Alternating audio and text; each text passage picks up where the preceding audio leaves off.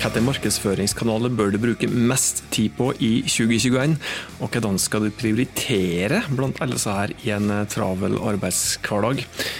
Det er det som vi skal ta for oss i dagens podkastepisode.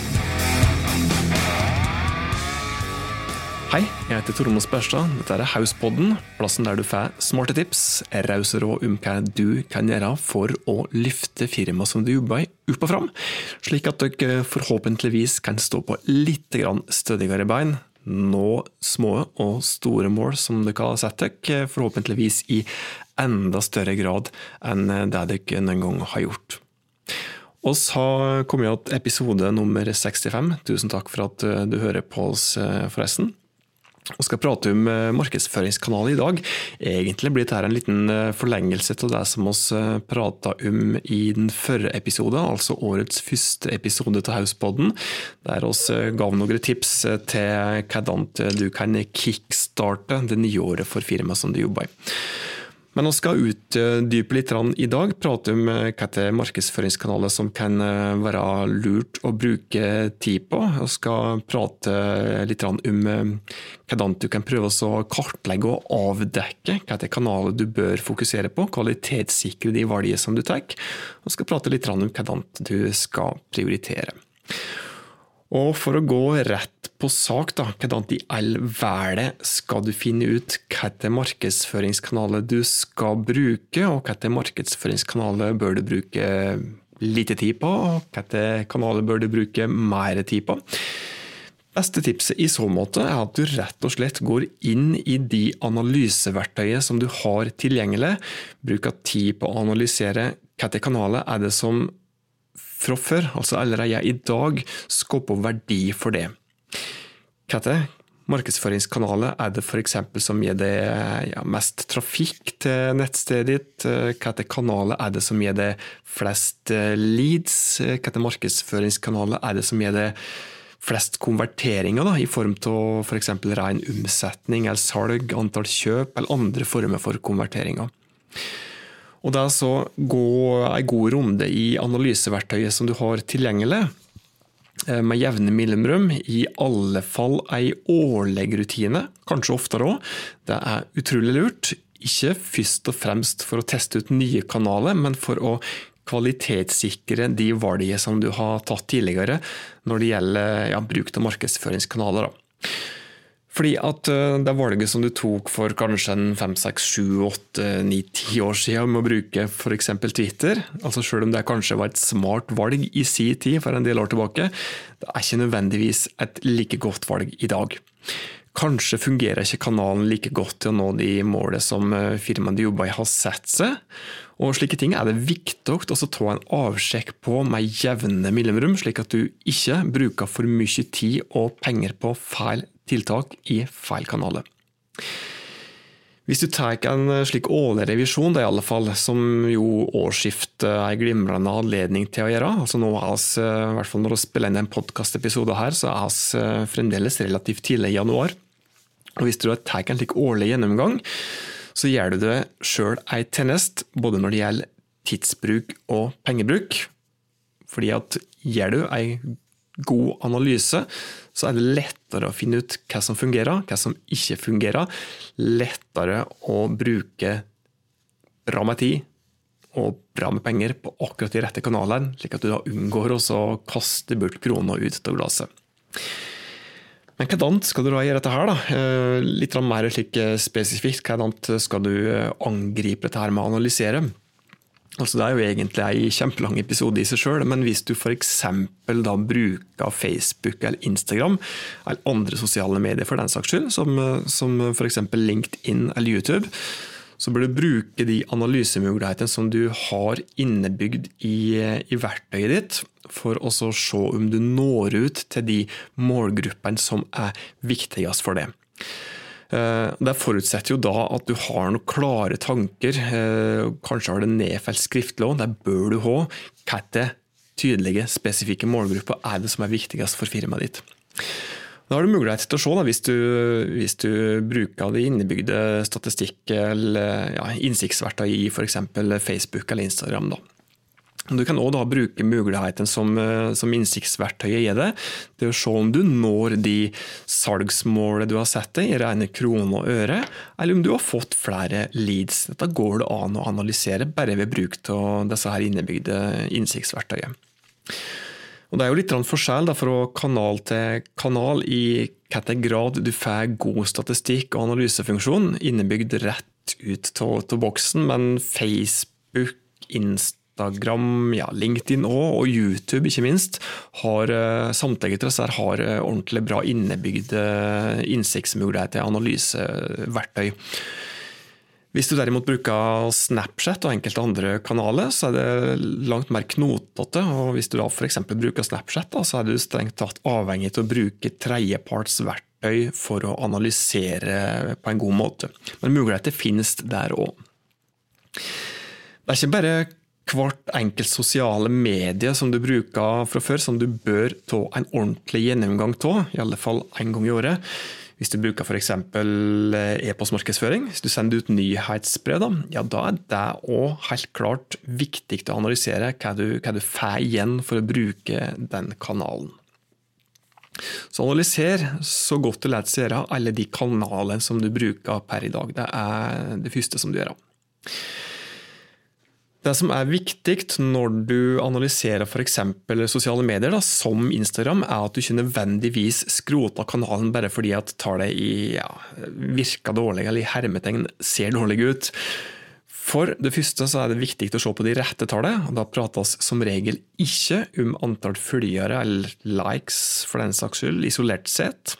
For dette er bedre med ja, 500 følgere som faktisk er i målgruppa di, enn 5000 følgere som da aldri kommer til å kjøpe noe som helst eh, fra firmaet som du jobber i. For det andre så er det viktig å se litt eh, grundigere på hva de faktisk bidrar med, da, eh, disse kanalene. Hvor mange var det for som klikka seg inn til nettsida di via bedriftsprofilen din på Insta?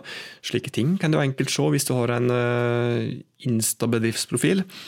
Og Du bør jo se på hvilken målgruppe du faktisk når ut til i de, i de ulike sosiale mediene. Og Hvis, da, ja, hvis f.eks. brukersammensetningen din når det gjelder følgere er helt på villspor i forhold til det som er den faktiske målgruppa di, f.eks. at du ser at det er 80% menn som er utgjør følgerskara di, og du har utelukkende kvinner i målgruppa di, bare for å si noe enkelt, da kan det bety ett av to. Enten så er det ikke mulig for deg å nå rett målgruppe i den kanalen du bruker, Kanskje fordi at de rett og slett ikke bruker den. Eller så kommuniserer du kanskje feil, og bør justere innholdet ditt for å treffe målgruppa di bedre. Så Det trenger altså ikke være en feil kanal å bruke, det kan altså like gjerne handle om at eh, det er du som ikke bruker kanalen på helt eh, rett måte. Du bør også se litt på brukertall for ulike kanaler. Hvis du, for eksempel, ja, hvis du har et utelukkende norsk marked, da, sjekk ut disse her kvartalstallene fra, fra, Ipsos. Se hvem er det som bruker de ulike sosiale mediene. Eh, og Så ser du da om det er samsvar mellom, mellom brukersammensetningen der og det som faktisk er målgruppa di. Det burde du òg gjøre. I tillegg så er det viktig å gjøre en grundig analyse i verktøyet som du bruker for å se på statistikken for nettstedet ditt. F.eks. Google Analytics, som er, ja, vil si det, det det beste gratisverktøyet som du kan bruke for å analysere aktiviteten for, for nettstedet ditt, eller tilstanden for nettstedet ditt. Eh, for der kan du se utrolig mye. og Det forutsetter jo da at du har et nettsted da, som egentlig er en no-brainer uansett. Eh, hvis du ikke har det, og forskutterer litt dette her med tips til kanalvalg, men, men nettsida er nav i alt som du gjør, altså. Eh, og Har du en nettside da, og bruker f.eks. et analyseverktøy som Google Analytics, så har du utrolig gode muligheter til å se hvilke kanaler er det som faktisk skaper på mest verdi for, eh, for bedrift eller organisasjonen din. Der kan du eh, enkelt i alle fall få et overordna godt bilde av hvilke markedsføringskanaler er det som gir det mest att for den tida og de pengene som du bruker. For Der ser du nemlig enkelt hvor mange besøk du har fått fra f.eks. annonsekampanjen dine på, på, Google. altså Hvor mye besøk du har fått fra Google Ads. Eh, hvor mange som eh, kommer inn til nettstedet ditt eh, ja, fordi de har klikka seg videre fra, fra f.eks. Instagram. Hvor mange som har klikka seg inn til nettstedet ditt etter at de har fått et nyhetsbrev fra det. Det er bare noen av de tingene som du kan se når du bruker et godt analyseverktøy, som f.eks. Google Analytics. Og hvis du har satt opp analyseverktøyet rett, så kan du òg se hvilke kanaler er det som har gitt deg størst omsetning i rene kroner og øre. Eh, hvilke kanaler er det som har bidratt til at du har spora kundesenteret ditt for mest tid, som også er penger. Det har du òg mulighet til å se hvis du har satt opp verktøyet rett. Eh, du kan òg se om det er ja, Facebook, LinkedIn eller andre kanaler som har gitt deg flest leads. Og Her handler det altså òg om eh, ROI, eh, return on investment, hvor mye du da får igjen for, for, hver eneste krone du, du, bruker. Dette er som er helt gull med å bruke et analyseverktøy og, og sette det opp eh, på rett måte. La oss prate litt om hvilken tilnærming du bør ta. Du bør analysere først. Da, og vi må jo gi deg noen tips til kanalvalg òg. Hvilke kanaler bør du bruke mest tid på i 2021, og hvordan skal du prioritere dette her? Eh, og det er jo ikke nødvendigvis en fasit som er lik for alle, og ideelt sett så bør du jo gjøre en ordentlig analyse først. Det er jo det som vi også prater om nå. Men hvis dere skal komme med noen gode tips da, til noe som egentlig er noen no-brainere, og noe som du kanskje bør i alle fall teste ut, så ja, skal du få det her og nå. Og i tillegg til nettstedet ditt, nettsida som er navet til alt du gjør når det gjelder markedsføring, hvis du har det på plass, da, så hvis jeg skal si noe ellers, så er det ekstremt viktig å prioritere søkemotormarkedsføring.